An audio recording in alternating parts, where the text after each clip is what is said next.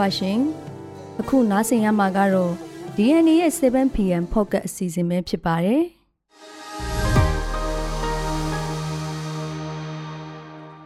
ဒီကနေ့ဇန်နဝါရီလ17ရက်နေ့ရဲ့ Focus အတန်လွှင့်အစီအစဉ်မှာတော့လူသားချင်းစာနာရေးကူညီမှုတွေကန့်သက်ထားလို့ရခိုင်ကရိုဟင်ဂျာဒုက္ခသည်တွေအငတ်ပေးစိုက်တယ်ဆိုတဲ့တဲ့ကမ်ဘလူးမှာစစ်ကြောင်းထိုးခဲ့တဲ့စစ်တပ်ကအယက်သားနှစ်ဦးကိုတပ်ဖြတ်ခဲ့တယ်ဆိုတဲ့တဲ့ ပြည်ထောင်စုမပြိုကွဲရေးမှုကိုအထိခံမှာမဟုတ်ဘူးလို့တမျိုးပြီးတမျိုးလက်လွတ်နေရတဲ့စစ်ကောင်းဆောင်ပြောဆိုလိုက်တဲ့တဲ့ဖဲကုံမြို့ပေါ်ကစစ်ကောင်စီတက်ဆွဲရာနေရာတချို့ကိုကာကွယ်ရေးတပ်တွေတင်ပိုက်လိုက်တယ်ဆိုတဲ့တဲ့ကမ်ဘလူးနဲ့တင်ငုတ်ကြီးရွာကပြူစောတိစကန်ကို PDF တင်ပိုက်လိုက်တယ်ဆိုတဲ့တဲ့စားတဲ့ပြည်ရင်းသတင်းတွေနဲ့အတူ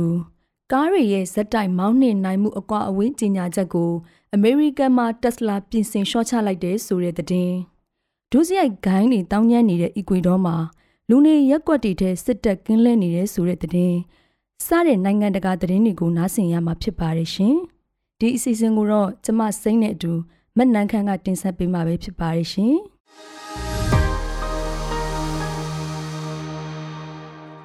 အခုပြည်တွင်းသတင်းတွေကိုတင်ဆက်ပေးပါမယ်ရှင်။ပထမဦးဆုံးပြောပြချင်တဲ့အကြောင်းကတော့လူသားချင်းစာနာရေးကူညီမှုတွေကန့်သက်ထားလို့ ရခိုင်ကရိုဟင်ဂျာဒုက္ခသည်တွေအငတ်ပေးဆိုင်နေတယ်ဆိုတဲ့အကြောင်းပါ။ရခိုင်ပြည်နယ်အတွင်းလမ်းတွေပိတ်ထားတဲ့အပြင်လူသားချင်းစာနာမှုဆိုင်ရာအကူအညီတွေကိုပါကန့်သက်ထားတာကြောင့်ရိုဟင်ဂျာဒုက္ခသည်တွေဟာပုံမှန်မိခိုနေရတဲ့အထောက်အပံ့တွေကိုမရတော့ဘဲ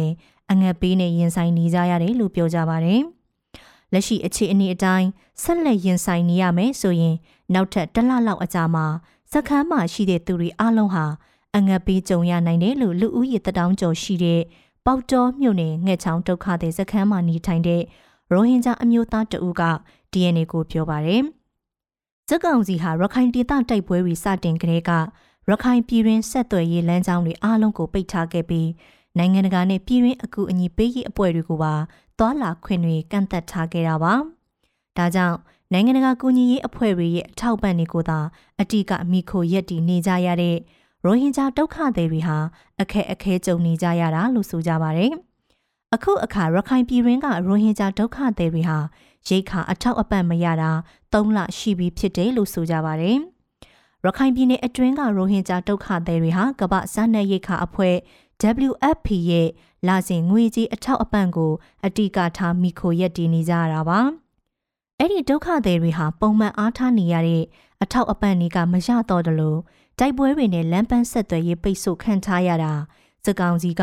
စီးရောင်းစည်းဝယ်ကဆလို့သွာလာခွင့်တွေကိုပိတ်ပင်ထားတာကြောင့်အလုံမလုံရတာဖြစ်တဲ့အတွက်စားတဲ့အခြေအနေတွေနဲ့ရင်ဆိုင်နေကြရတာပါ။စပီးရှောင်နေရတဲ့ရခိုင်ဒေသခံတွေဟာလည်းရိုဟင်ဂျာတွေလိုပဲအလားတူအကျက်အတဲအခက်အခဲတွေနဲ့ကြုံနေကြပါတယ်။ပေါတောမြို့နယ်အပြင်ရသေးတောင်မြေပုံစတဲ့မြို့နယ်တွေအတွင်းက ရိုဟင်ဂျာဒုက္ခသည်တွေဟာလည်းအထောက်အပံ့တွေမရလို့စားနပ်ရိက္ခာအခက်အခဲကြုံနေကြရပြီးထမင်းနဲ့မမှန်တဲ့မိသားစုတွေလည်းရှိလာနေတယ်လို့ပြောကြပါတယ်။ဒုတိယတစ်ပုတ်အနေနဲ့ကမ်ဘလူးမှာစစ်ကြောင်းထိုးခဲ့တဲ့စစ်တပ်ကအယက်သားနှစ်ဦးကိုတပ်ဖြတ်လိုက်တဲ့ဆိုတဲ့သတင်းကိုပြောပြပေးပါမယ်။စကိုင်းတိုင်းကမ်ဘလူးမြို့နယ်ထန်းကုန်းတိုက်နယ်အတွင်းပြီးခဲ့တဲ့ရက်ပိုင်းကစစ်ကြောင်းထိုးခဲ့တဲ့စစ်ကောင်စီတပ်ဟာတက်ကြီးအမျိုးသမီးတဦးပါဝင်ဒေသခံ2ဦးကိုတပ်ဖြတ်သွားတယ်လို့ ဒေသတွင်းအခြေအနေတွေဖော်ပြပေးနေတဲ့ကျွန်းလှတက်ကြွလှုပ်ရှားသူများအဖွဲ့ကပြောပါရယ်ကမ်ဘလူးမြို့နယ်အခြေဆိုင်စစ်ကောင်စီတရင်6006ကလာတဲ့စစ်ကောင်စီတပ်ဖွဲ့ဝင်တွေနဲ့နှအင်းရွာကပြူစောထိတွေပါဝင်တဲ့အင်အား150ဝန်းကျင်ပါစစ်ကြောင်းဟာဇန်နဝါရီ9ရက်ကလင်ပန်းဆယ်အနီးတဝိုက်ကိုစစ်ကြောင်းထိုးခဲ့တာလို့သိရပါဗျ။အဲ့ဒီဆယ်အနီးမှာဒေသရင်းအခြေအနေတွေရအိုးအိမ်စွန့်ခွာတိမ်းရှောင်နေကြတဲ့အရက်သားတွေရှိနေတာဖြစ်ပြီး စစ်ကောင်စီတပ်ကအသက်65နှစ်အရွယ်ဒေါ်ကြည်ထင်းနဲ့အသက်35နှစ်အရွယ်ကိုတင်မျိုးအောင်ခ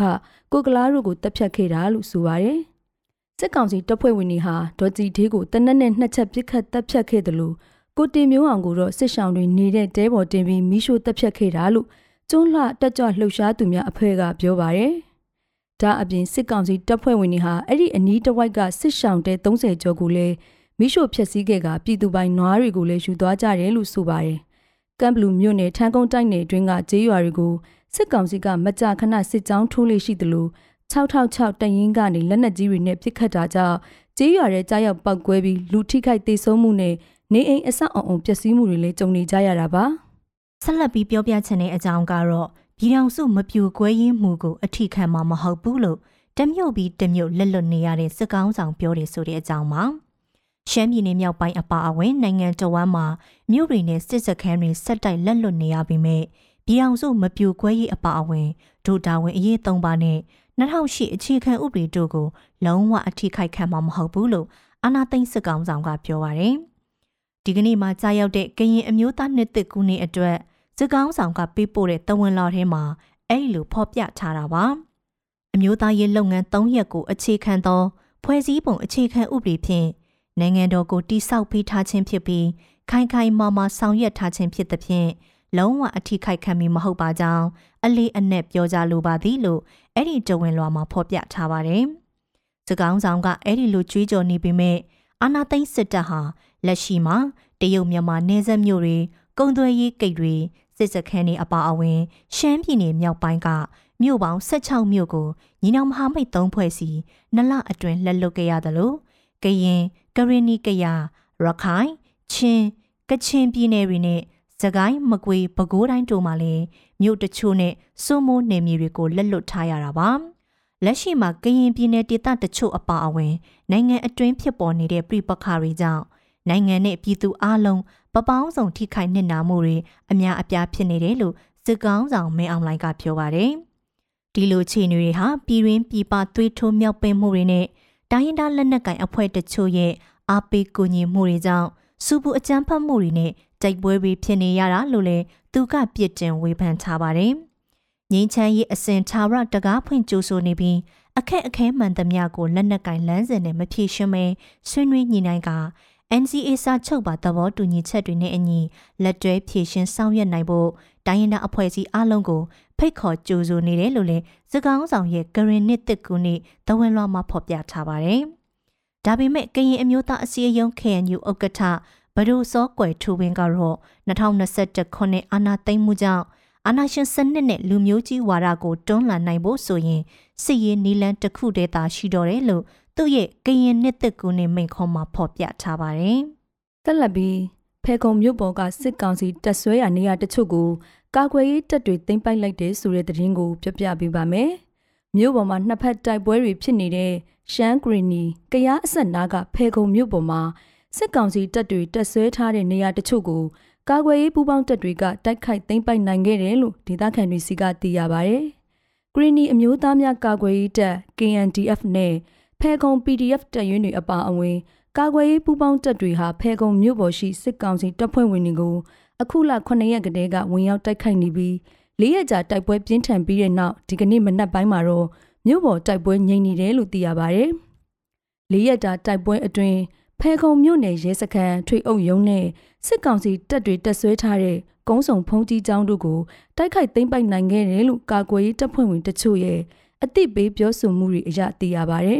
။ဖဲခုံမြို့နယ်ကလျက်ကုန်းဆောင်ရွာဖုံးကြီးကျောင်းမှာတပ်ဆွဲထားတဲ့ စစ်ကောင်စီတပ်ဖွဲ့ဝင်တွေကိုတိုက်ခိုက်ပြီးတဲ့နောက်နယ်မြေရှင်းလင်းရေးလုပ်ငန်းတွေလုပ်နေတဲ့ရုပ်သံမှတ်တမ်းတစ်ခုကိုတော့ဖဲခုံ PDF 1002တရင်ကမနေ့ကညပိုင်းမှာထုတ်ပြန်ထားပါတယ်။ရုပ်သံမှတ်တမ်းအရတေဆုံးနေတဲ့စစ်ကောင်စီတပ်ဖွဲ့ဝင်30ဝန်းကျင်ရှိပြီးရုံအလောင်းတွေကိုတော့ကာကွယ်ရေးတပ်ဖွဲ့ဝင်တွေကစုပုံမိတကြိုပေးခဲ့တာတွေ့ရပါတယ်။ကာကွယ်ရေးတပ်တွေဝင်ရောက်တိုက်ခိုက်တဲ့အချိန်ရဲစခန်းကနေစွန့်ခွာသွားတဲ့ရဲနဲ့စစ်ကောင်စီတပ်ဖွဲ့ဝင်တချို့ကတော့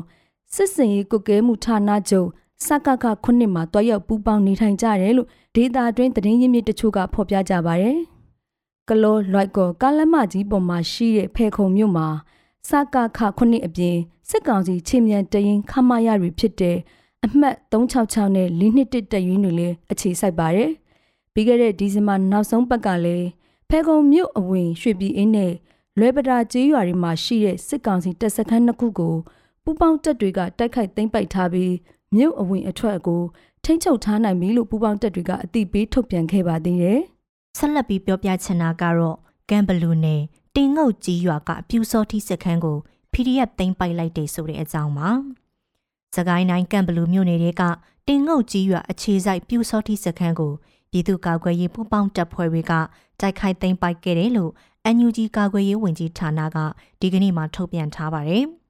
စကောင်စီတပ်ဖွဲ့ဝင်တွေနဲ့ပြူစောထီတွေပူးပေါင်းတက်ဆွဲထားတဲ့အဲ့ဒီစခန်းကိုပြည်သူ့ကာကွယ်ရေးပူးပေါင်းတပ်တွေကတိုက်ခိုက်ရမှာစစ်ကောင်စီဘက်က25ဦးသေဆုံးခဲ့တယ်လို့ထုတ်ပြန်ချက်မှာဖော်ပြထားပါတယ်။စစ်ကောင်စီထောက်ခံတဲ့ Telegram Channel တွေကလည်းအဲ့ဒီစခန်းတိုက်ခိုက်ခံရကြောင်းဖော်ပြကြပြီးတော့ပြည်သူစစ်၈ဦးသေဆုံးခဲ့တယ်လို့ဆိုပါတယ်။အဲ့ဒီတိုက်ပွဲကနေကားပိုင်းတနက်၈လက်ကြီး3တနက်1လက်ရှော့ကန်9လက်အပါအဝင် ကြီးနဲ့ခဲယမ်းတွေတင်စီရရှိခဲ့တယ်လို့ NUG ကာကွယ်ရေးဝန်ကြီးဌာနကအသိပေးထားပါတယ်။အာနာသိန်းကာလအစောပိုင်းကတည်းကလက်နက်ကင်ခုခံတော်လှန်မှုအကောင်းခဲ့တဲ့သခိုင်းในအတွင်းမှာစစ်တပ်ထောက်ခံသူတွေပြည်ခိုင်ဖြိုးပါတီဝင်တွေစစ်မှုထမ်းဟောင်းတွေပါဝင်တဲ့ပြူစောထိအင်အားကောင်းရာဒေသတွေလည်းရှိနေပါတယ်။ကမ်ဘလူမြို့နယ်ကတော့စစ်တပ်ထောက်ခံတဲ့မဘာသာဖုန်ကြီးဝါတဝဦးဆောင်ကပြူစောတိအဖွဲ့တွေစုဆောင်ဖွဲ့စည်းတာ ဖိအားပေးပြီးတော့ပြူစောတိအဖွဲ့တဲ့အတင်းအကျက်ဝင်စီတာမျိုးတွေကြောင့်ပြူစောတိတွေတီတီတတအင်အားကောင်းတဲ့ဒေသဖြစ်ပါတယ်။ဒါပေမဲ့ကမ်ဘလူမြို့နယ်နဲ့ထိစပ်နေတဲ့ကောင်းလင်းမြို့တိမ့်ပိုက်ခံရပြီးရပ်ပိုင်းအကြာမှာကောင်းလင်းမြို့ဖက်ကိုစစ်ကြောင်းထိုးလာတဲ့ပြူစောထီတွေစောင့်ကြိုတိုက်ခိုက်ခံရတာကြောင့်လူဦးရေဆဲချီတေဆောင်ခဲ့ပြီးဝါတဝဦးဆောင်တဲ့ပြူစောထီတွေအထိနာခဲ့ပါသေးတယ်။ အခုဆက်လက်ပြီးတော့နိုင်ငံတကာသတင်းတွေကိုတင်ဆက်ပေးပါမယ်ရှင်။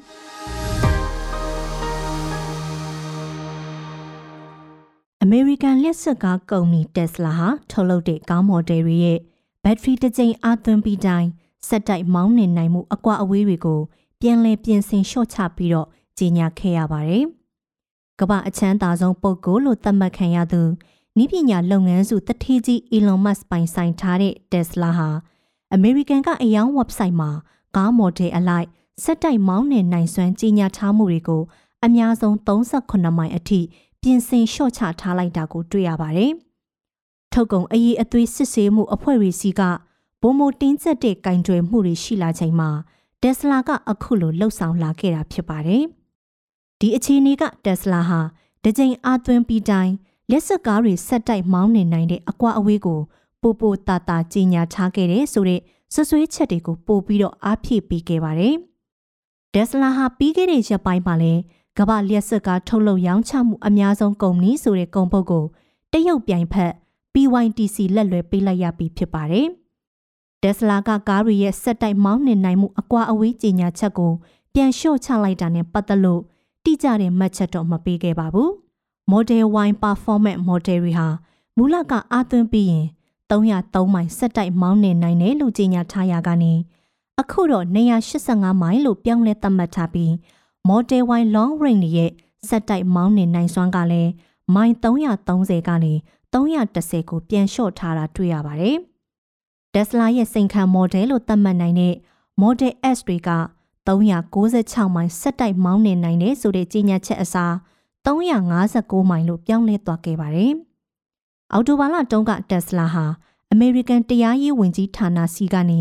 ကားတွေရဲ့စက်တိုက်မောင်းနှင်နိုင်မှုအကွာအဝေးအပါအဝင်တချို့သောအကြောင်းအရာတွေအတွက်စုံစမ်းမှုတွေလက်ခံရရှိထားကြောင်းကြေညာခဲ့ပါတယ်။ Tesla ဟာကားတွေရဲ့စက်တိုက်မောင်းနှင်နိုင်စွမ်းကိုအမေရိကန်မှာပြင်ဆင်သတ်မှတ်လိုက်ပေမဲ့ဗြိတိန်နဲ့တခြားနိုင်ငံတွေရဲ့အယောင် website တွေမှာတော့မပြင်သေးဘူးလို့လည်းသိရပါတယ်။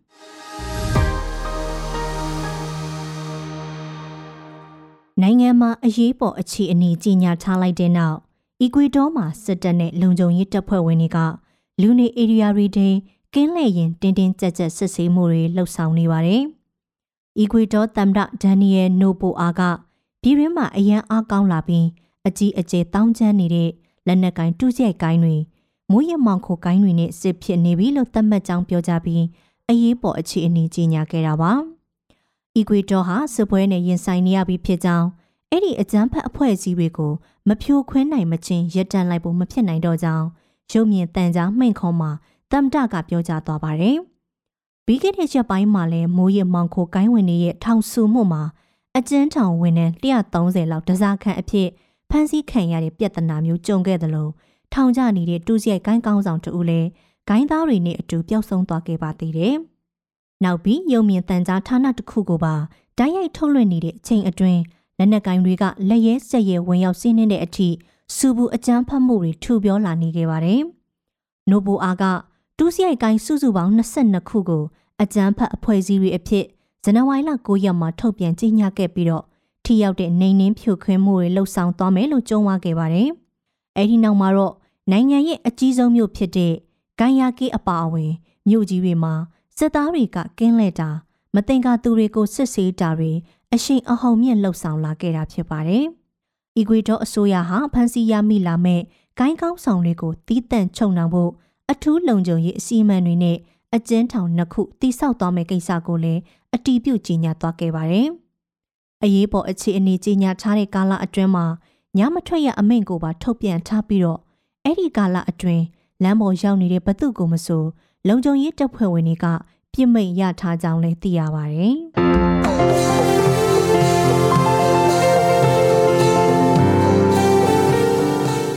DNA ရဲ့ 7pm pocket အစီအစဉ်ကိုအပတ်စဉ်တနင်္လာနေ့မှတောက်ကြနေ့အထိည9:00နာရီတိုင်းမှာတင်ဆက်ပေးသွားမှာဖြစ်ပါတယ်။ဒီအစီအစဉ်ကို Anchor, Spotify တို့မှာနားဆင်နိုင်တယ်လို့ DNA ရဲ့ YouTube Channel မှာလည်းဝင်ရောက်နားဆင်နိုင်ပါတယ်။